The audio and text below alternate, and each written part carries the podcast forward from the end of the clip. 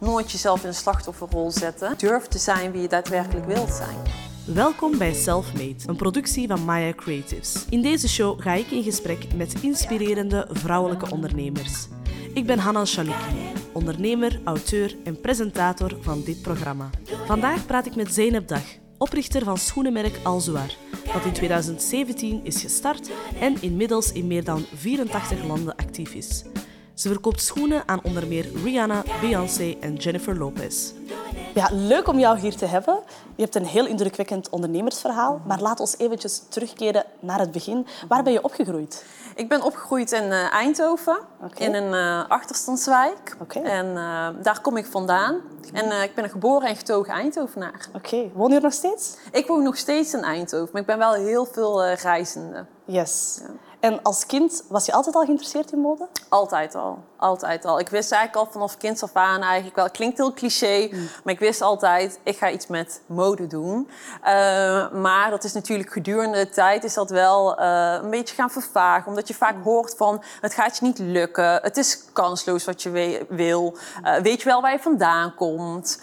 je moet al lang blij zijn dat je een studie kan doen. Mm. maar ergens wist ik altijd dat ik heel succesvol zou gaan worden binnen de mode. Dat is wel mooi dat je ja. dat wist, ondanks dat je heel vaak het tegenovergestelde ja. te horen kreeg. Ik hoorde eigenlijk altijd, je bent kansloos, maar ik wist gewoon, mijn gevoel wist gewoon, hmm. ik ga het gewoon worden. Mooi. En ik ben het ook geworden. Ja, absoluut. Daar ben ik het mee eens. Waren er vrouwen naar wie je opkeek? Ik heb het allerbelangrijkste geleerd van mijn moeder, dat je moet dromen, ondanks dat zij haar eigen dromen nooit heeft waar kunnen maken. Waar is jouw eigen ondernemersverhaal begonnen? Mijn ondernemersverhaal is begonnen op het moment dat er tegen mij werd gezegd... Uh, ik werkte op een, uh, op een hbo als uh, docent kunstgeschiedenis. En het werd tegen mij na twee jaar gezegd... we gaan je contract niet meer verlengen, want je hebt niet genoeg ervaring. terwijl ik had ook nooit beweerd dat ik ervaring had. Ik, ik was de, de jongste docent kunstgeschiedenis op hbo. Op mijn 22e stond ik voor de klas. Maar twee jaar later werd dat tegen me gezegd. En wat er ook gebeurde, ik werkte als eh, freelance schoenontwerpster. En uh, op dat moment werd tegen me gezegd dat ik een slechte ontwerper was. Oh, pijnlijk. En ja, heel pijnlijk was dat. Ik geloofde het ook met twee minuten. Maar die dingen, ja, ik geloofde het ook met twee minuten. En daarna dacht ik, ik ben geen slechte ontwerper. Ik lever alleen niet aan wat zij willen zien. En die twee momenten kwamen samen en dat was een keerpunt van mijn leven. En toen dacht ik, nou, dan ga ik wel ergens anders werken. Dus ik solliciteerde me helemaal gek. Een half jaar lang heb ik dat gedaan. En uh, iedere keer uh, werd ik afgewezen. En uh, toen dacht ik van... zo wil ik mijn leven niet leiden, door iedere keer afgewezen te worden. En dat was het moment dat ik dacht: oké, okay, dan ga ik voor mezelf beginnen. Dat is wel heel motiverend. Want ja. heel veel mensen zouden mm. na zoveel afwijzingen het moeilijk hebben, maar jij hebt er ergens een motivatie in gevonden. Als ik echt mijn dromen wil waarmaken, dan moet ik dus blijkbaar voor mezelf beginnen. Ik had mijn connecties natuurlijk al, want ik had heel veel ervaring als freelance ontwerper. Dus ik kende mijn fabrikant al, ik verzon een naam, al zwaar. En ergens wist ik heel goed wat voor merk ik wilde neerzetten. En dat waren schoenen die je nergens anders zag. Okay. En dat is denk ik vandaag de dag ook nog steeds de kracht van Al Zwaar. Ja. ja. En waarom Al Zwaar als naam? Ja, Al Zwaar als naam. Ik heb er een jaar over gedaan. Ik was super gemotiveerd om dit te beginnen, super ambitieus. Maar door de naam wilde ik zelfs bijna stoppen. Dat ik dacht, echt, ja, zo moeilijk? Ja, omdat ik dacht, ik wil echt een naam hebben die uh, krachtig is, uh, ook um, iets, iets exotisch. En uh, wat ook weer een keerzijde was, is iedereen zei tegen me, gebruik je eigen naam.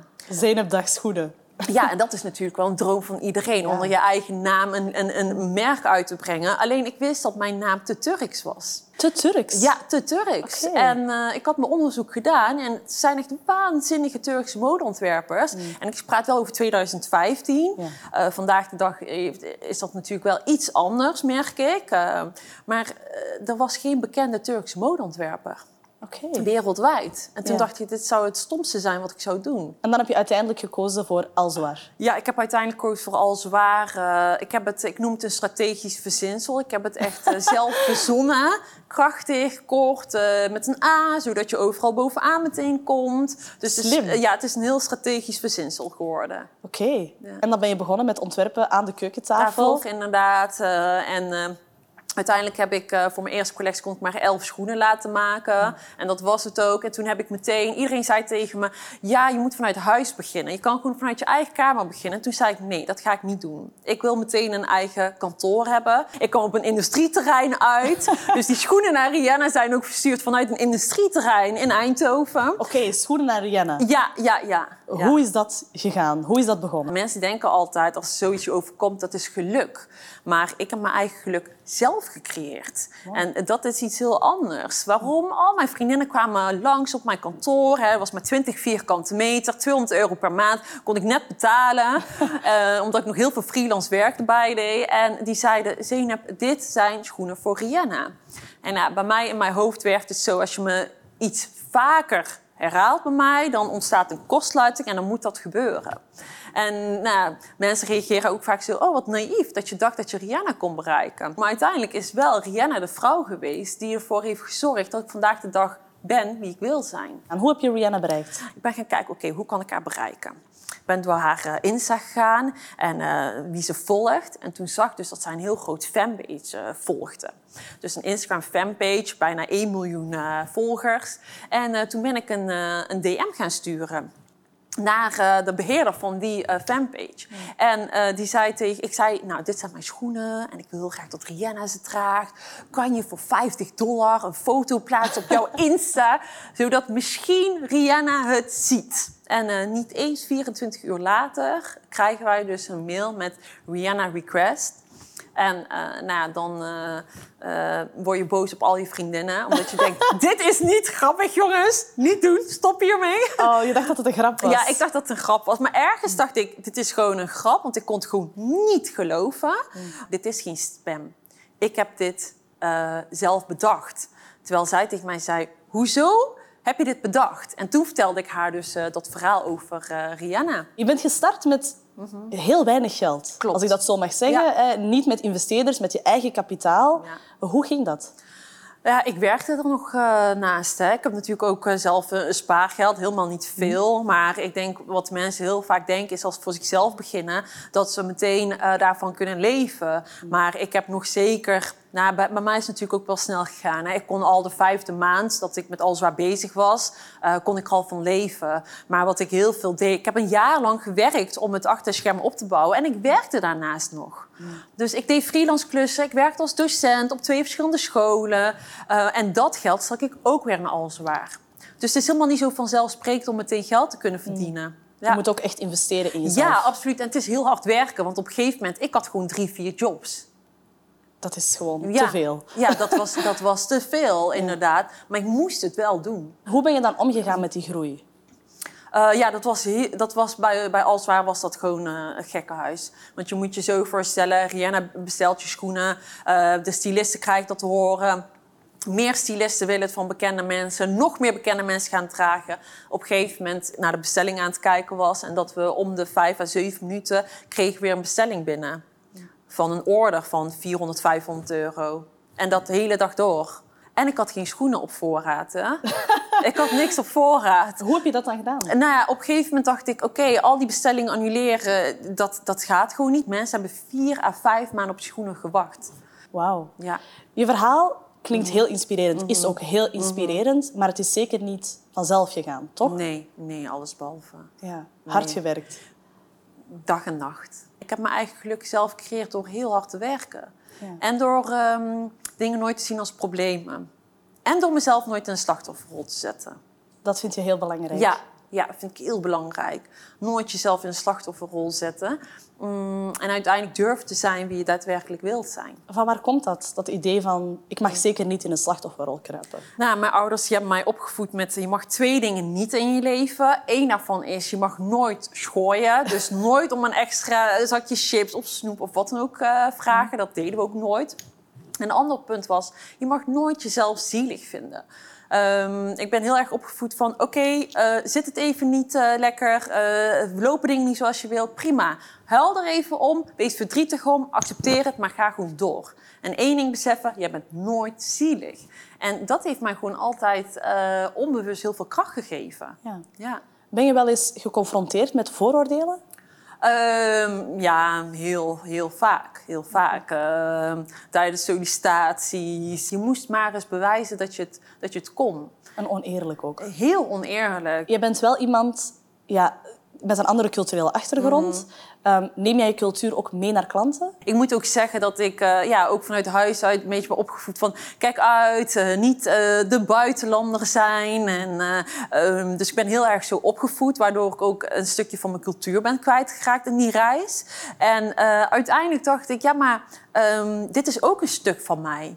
Uh, dit hoort bij mij. En toen ben ik het gaan omdraaien. Dus als ik dan uh, ergens heen ging of mensen kwamen bij mij op kantoor, dan uh, stond er altijd gebak en altijd, hè, dan ging ik echt naar de winkel om gebak te halen of wat dan ook. En dan zeiden mensen, oh wow, dat echt niet hoeft. En dan zei ik, ja, maar dat hoort bij ons, in mijn cultuur. Ja. Is het heel belangrijk dat mensen een eten hebben of dat een redelijk ontbijt voor, zoals bij mij thuis kwamen filmen. Ja. en dan merk je dat je een heel andere reactie krijgt als het over cultuur gaat, je werkt ook heel internationaal. Klopt. Hoe gaat dat? Ja, dat is echt uh, een van de dingen die ik heb uh, onderschat. Uh, want het was altijd mijn doel om een internationaal bedrijf te hebben. Omdat ik voel mezelf heel internationaal. Mm. Maar het, het, internationaal gaan heb ik heel erg onderschat. Om een voorbeeld te geven, we hebben ooit mannenhakken gelanceerd. Nou, dat werd echt lovend ontvangen in Amerika. Mm. Maar het tegenovergestelde gebeurde in, in het Midden-Oosten. Ja. Dus ja, dan wil je internationaal gaan. Maar dan moet je dat ook kunnen veroorloven als bedrijf zijn. En dat, dat konden wij gewoon niet. Nee. Wat was je grootste blunder? Een aantal jaar geleden uh, wilden we heel graag in de uh, Emiraten wilden we een pop-up hebben. En toen kwamen we daar in de, in de hete zomer van, uh, van juli kwamen daar aan met schoenen met steentjes. En die schoenen die kwamen per vliegtuig binnen. En we openden in onze hotelkamer die schoenen. En die steentjes die waren er vanaf gevallen. Oh, verschrikkelijk. Vanwege de hitte. Die steentjes, het was gewoon te warm. Het was gewoon veel te warm. dus ja, dat maar is, wat doe je dan? Ja, wat doe je dan? Dan moet je, dan moet je eigenlijk direct... Je hebt geen tijd om, uh, om te huilen, om te zeggen... we gaan het niet meer doen, alles is betaald. Dus ja, dan ga je secondenlijm kopen. En dan ga je alles proberen handmatig uh, ja. in orde te maken. Maar dat zijn ook dingen... Ja, met internationaal gaan betekent ook... Mm, met secondenlijm steentjes aan schoenen Ja, maar moet je dat wel willen doen? Dus ja. dat is het ook. En uh, ja, ik ga heel ver voor mijn bedrijf, dus dan doe ik ook dat. Ja. Mooi. Zijn er nog dingen die je hebt geleerd uit het internationale aspect? Ja, ook bijvoorbeeld om bij de Emiraten te blijven. Uh, nou, ik stond dus zelf ook met pop-up, want ik wilde heel graag mijn, uh, mijn klanten daar leren kennen. Uh, dat een van die vrouwen daar, tegen me zei: Ja, maar wacht even, er staat 400, bedoel je 4000? volgens mij mis je nul. Dat ik dacht, oké, okay, uh, wat zeg je? dat, ja, dat was ook... Uh, daar moet je gewoon niet schoenen van 400 euro willen verkopen. Dat is voor hen echt geen geld. Dat is voor hun eigenlijk een soort van... Wat heb je dan gedaan? Gewoon er een nulletje bij gezet? Nee, ja, ik dacht, als je wil, kan ik nog wel een paar nulletjes bijzetten. Ja. Een paar zelfs. Ja, ja, ik dacht, nou ja, maar ze nam het dus minder serieus. Ze heeft het uiteindelijk ook niet gekocht. Ze nam het gewoon niet serieus. Het waren voor haar goedkope schoenen. Ja, dat waren voor haar hele goedkope schoenen. Je bent zelf ondernemer, maar je leert ondertussen ook andere vrouwen om te ondernemen. Ja. Hoe ben je daar begonnen? Nou ja, toen ik dus alles had opgericht en toen ik in één keer die enorme succes kreeg, uh, kregen we echt dagelijks uh, ontzettend veel mailtjes van vrouwen van, maar hoe heb je dit gedaan? En uiteindelijk dacht ik van, uh, oké, okay, ik kan niet, ik heb geen tijd om alle mailtjes te gaan beantwoorden, maar ik voelde wel, die mailtjes die kwamen van diep. Je merkte gewoon, uh, mensen willen dit weten omdat ze zelf heel veel struggles hebben. Mm. En uh, nou, de idealist uh, uit me kwam naar boven en dacht ik, oké, okay, ik moet hier iets mee. En toen ben ik eigenlijk masterklassen gaan organiseren om, te, om die vrouwen te inspireren, om te laten zien hoe je het kan aanpakken. Maar iedere keer na zo'n masterclass was het van, ja, maar ik, ik wil meer leren, ik heb meer nodig. En uiteindelijk, uh, dat had ik dus nooit van mijn leven gedacht, heb ik dus een, uh, een eigen school opgericht. Omdat de vraag zo groot was. Wat is jouw advies voor andere vrouwen die ook willen ondernemen? Allereerst, geloof in jezelf. Als je niet gelooft in jezelf, dan gaat niemand ook in jou geloven. En om te geloven in jezelf moet je ook heel veel van jezelf houden. Ik zeg, het is juist uh, ontzettend erg als je als ondernemer zijnde niet van jezelf houdt. Dan kan je gewoon niks bereiken. En ik denk, het allerbelangrijkste ook is uh, dat je niet moet stoppen. Hmm. Ik zie ook vaak in mijn omgeving dat mensen dan niet doorgaan. En dan denk ik, ja, maar wat heb je er voor over gehad? Ja. Nooit opgeven. Nooit opgeven. Selfmade is nooit echt self-made. Of toch niet, je doet het nooit echt helemaal alleen. Er zijn altijd wel mensen die je steunen. Dat kunnen je eerste klanten zijn of, of de mensen waar je om geeft. Wie waren die mensen voor jou? Ja, uh, ik ben daar helemaal mee eens. Selfmade is nooit helemaal selfmade. Ik denk uh, dat ik vandaag dag hier sta, heb ik uh, mee te danken aan, mij, aan, aan twee, drie docenten in mijn leven mm. die echt in mij hebben geloofd. Vandaar ook dat ik ook heb besloten om docent te worden, omdat ik weet wat de impact kan zijn van een docent. Dus sowieso mijn docenten en natuurlijk ook Rihanna ik besef me steeds vaker uh, wat haar impact is geweest op mijn carrière. Uh, zonder Rihanna uh, was het misschien helemaal niet gelukt. Of had ik er veel langer over gedaan. Maar haar support, dat, dat ging nergens over. En ze betaalde er ook nog voor. Hè? Ja. Ze wilde het niet eens gratis. Dat was niet ter sprake. Ja, ja. Het is wel heel cool natuurlijk. Hè? Dat ja, dat dan... zij je zo support. Mm. Ja. En wat haar impact is, dat, dat kon ik me ook nooit bedenken. Het ging opeens heel snel. Ja, heel snel, ja. Oké het gaat nog steeds heel snel voor jou. Heb je ook iets van een work-life balance? Ja, daar ben ik eh, steeds meer uh, naar op zoek. Want ik ben al zes mm. jaar uh, lang eigenlijk... Uh, sta ik iedere dag onder stress en onder bepaalde druk. Je mm. moet presteren. Maar ik ben nu wel meer op een punt in mijn leven... dat ik denk, oké, ik probeer meer ook... Hè, beter zorg voor jezelf is heel erg belangrijk. Maar ik ben nu ook aan het kijken van... oké, ik ik, ik ben ook een voorbeeldfunctie geworden. Een rolmodel. Mm. daar vraag je niet om, dat, dat word je. En dat vind ik heel mooi dat ik dat ben geworden. En ik wil ook meer gaan kijken, hoe kan ik daar een balans tussen vinden. Dat ik en een goede rolmodel blijf, maar ook een goede ontwerper en ondernemer. Wat is je grootste angst? Mijn grootste angst is dat ik uh, dan niet meer uh, normaal kan ademen als ik mijn succes uh, echt ga voelen. Daar ben ik bang voor. Je bent bang dat je gaat zweven? Ja, ja, ja, ja. En af en toe heb ik dat soort momentjes dat ik denk... Ah, en dan bel ik meteen mijn moeder op. En die houdt mij kalm. Dat is mijn rust. Mijn moeder is mijn rust. Uh, dus ja, daardoor, ik probeer uh, altijd met beide benen op de grond te staan. Mooi, dat is wel een mooie attitude natuurlijk voor een ondernemer. Ja, ja, want ik zie heel vaak dat dat, dat bij ondernemers toch uh, ja, tegen ze kan werken. En ik ben heel erg bewust van mezelf. Wat is het beste professionele advies dat je gekregen hebt? Het beste professionele advies dat ik ooit heb gekregen is... geluk kan je zelf creëren. Wat zijn je top drie levenslessen? Nummer één, absoluut. Blijf gefocust. Focus is alles. Ga niet te veel doen, maar doe gewoon één ding heel goed. Twee, blijf doorgaan. Stop nooit. En als laatste, laat niemand, maar dan ook niemand, de verdover zijn van jouw eigen dromen. Wat doe je als je aan jezelf twijfelt? Ik twijfel nooit. Ik denk na. Dat is een verschil. Nadenken en twijfelen zijn twee verschillende dingen. Uh, ik denk na en op basis daarvan maak ik keuzes. Maar twijfelen, dat komt absoluut niet voor in mijn vocabulaire. Wat zijn jouw eigen plannen voor de toekomst? Um, ja, vooral ook nog meer gave ontwerpen maken. Uh, mezelf als ontwerper zijn. Uh, ik wil uiteindelijk de beste ontwerper worden van de wereld. Dus dat is mijn grootste doel. Dat is heel mooi. Mm. Dankjewel, Zeynep. Graag gedaan. Jij bedankt. Super fijn gesprek. En uh, ik kijk er naar uit om meer van jou te zien. Ah, dankjewel.